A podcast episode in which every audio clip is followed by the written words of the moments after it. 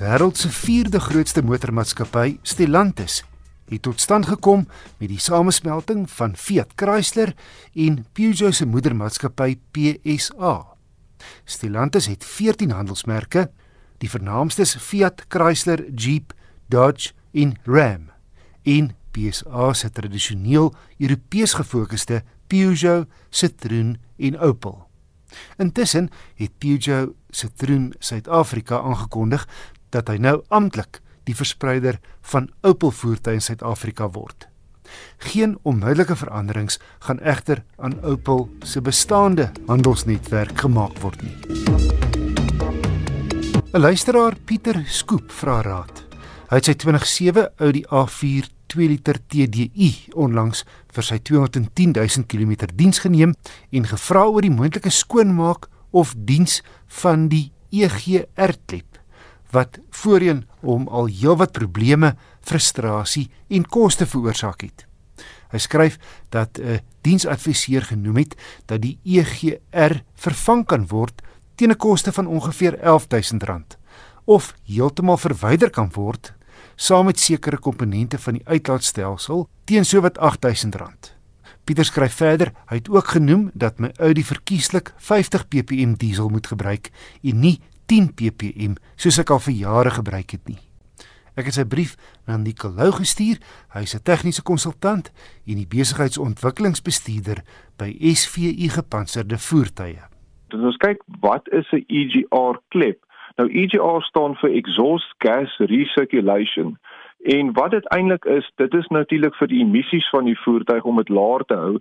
En wat nou eintlik gebeur is wanneer jy nie vol las nodig het nie, maar die enjin sê nou maar net half las of so loop, dan wat die ingenieurs doen, hulle gebruik van daai uitlaatgasse wat klaar verbrand is en dan gaan dit deur hierdie klep dan terug na die inlaat toe sodat um, hiervan hierdie gebrande gasse of verbrande gasse dan ook ingesuig word en wat dit eintlik doen is daai gasse is dan inert wat beteken gewoonlik sou die enjin alles vars lug insuig maar nou het hy bietjie vars lug bietjie van hierdie inert gas wat dan klaar verbrand is en het, as jy nie vol las gebruik nie maar net van die part las dan is jou piek uh, temperature in die verbrandingsruimte dan nou laer en dan jy minder van hierdie NOx emissies So dis die hele beginsel van 'n EGR klep. So hy wil net maak dat jou NOx emissies uh, laer is van die enjin. Maar nou kan jy dink wessel daai uitlaatgasse wat uitgaan en dan nou terug gesirkuleer word na die inlaat toe. Dis redelike vuil uitlaatgasse en daai um, klep raak dan met die tyd vuil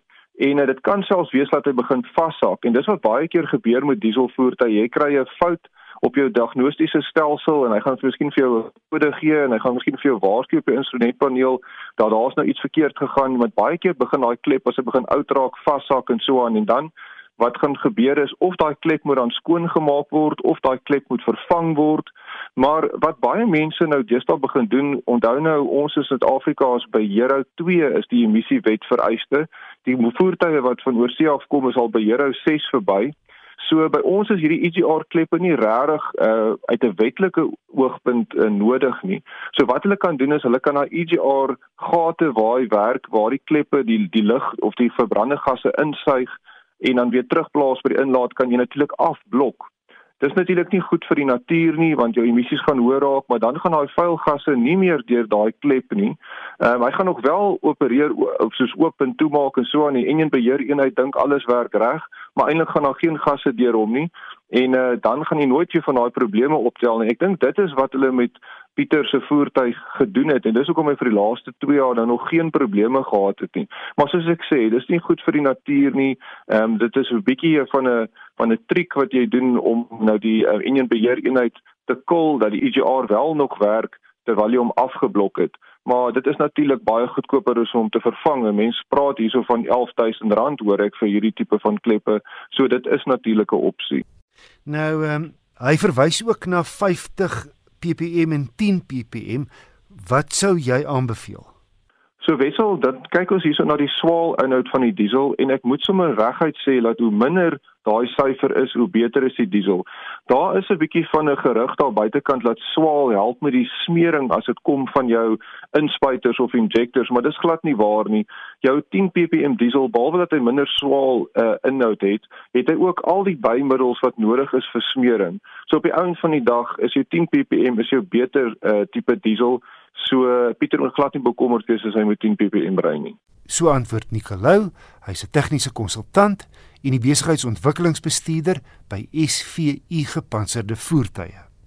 Indien jy 'n motornavraag het, e-pos gerus na wissel@rsg.co.za.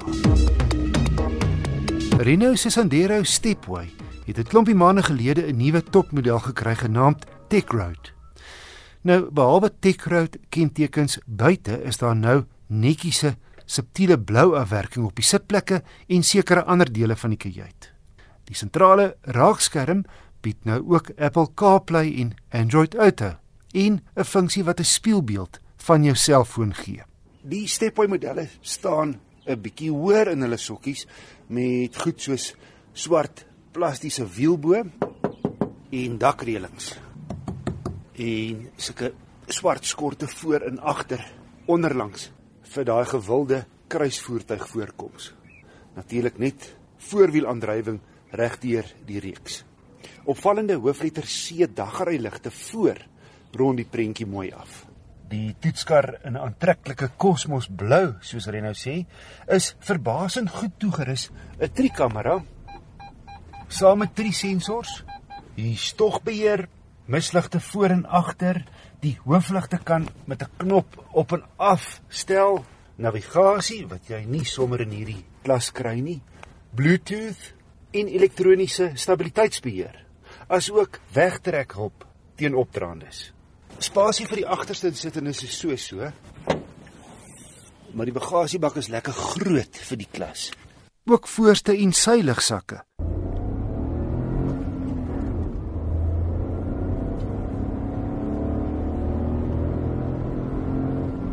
3-silinder turbo petrol 66 kW en 135 Nm trek vir 'n klein 900 cc heel gewillig hier op die hoofveld waar turbomasjiene minder krag verloor as nie aangejaagde engines.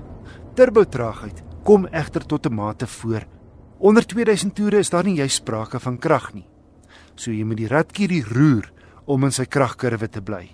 Verder voel dit nie asof die kraglewering altyd glad is nie.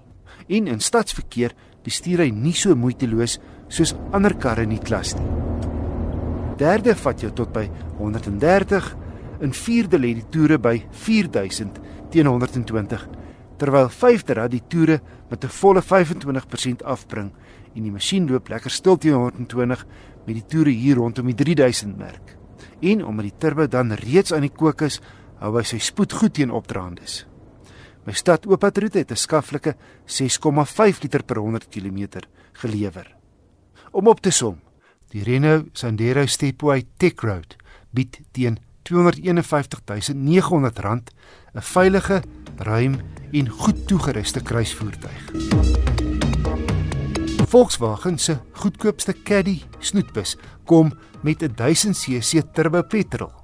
Hoewel sy paneelwa wortels opval, lyk hierdie Caddy Trendline nie soos 'n intreevlak model nie, danksy netjiese fris alloy wiele, metaalverf dagryligte en misligte. Spasie is die waar se sterkpunt. Nie net is die daklyn hoog nie, maar die bagasiebak se vloer is laag wat 'n hengse laai area skep. En die agterklap maak van heel bo tot heel onder oop wat die inlaai van ook groot goed kinderspeletjies maak. Die 5 insittendes het hoop spasie en die dak is so hoog dat jy voor 'n oorhoofse kompartement kry waar goed soos 'n skootrekenaar buite sig gebeere kan word. Jy het selfs stoorplek onder die agterste sitplekke wat 1/3, 2/3 opvou en vorentoe kantel vir meer pakplek. Twee skuifdeure doen diens.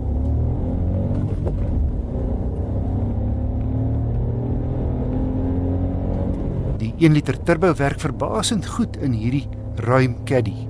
'n Beskeie 75 kW, maar 175 Nm wrinkrag is al vanaf 1500 toere beskikbaar. En hy trek sterker deur die ratte as die 1.6 wat hy vervang. Hierdie caddy weeg net 1248 kg wat 'n beter krag tot gewig verhouding gee as wat mense sou dink. Boonop loop die masjien relatief sag en gesofistikeerd vir 'n 3-silinder. Sy vyf ratte is goed gespasieer en die koppelaar veerlig.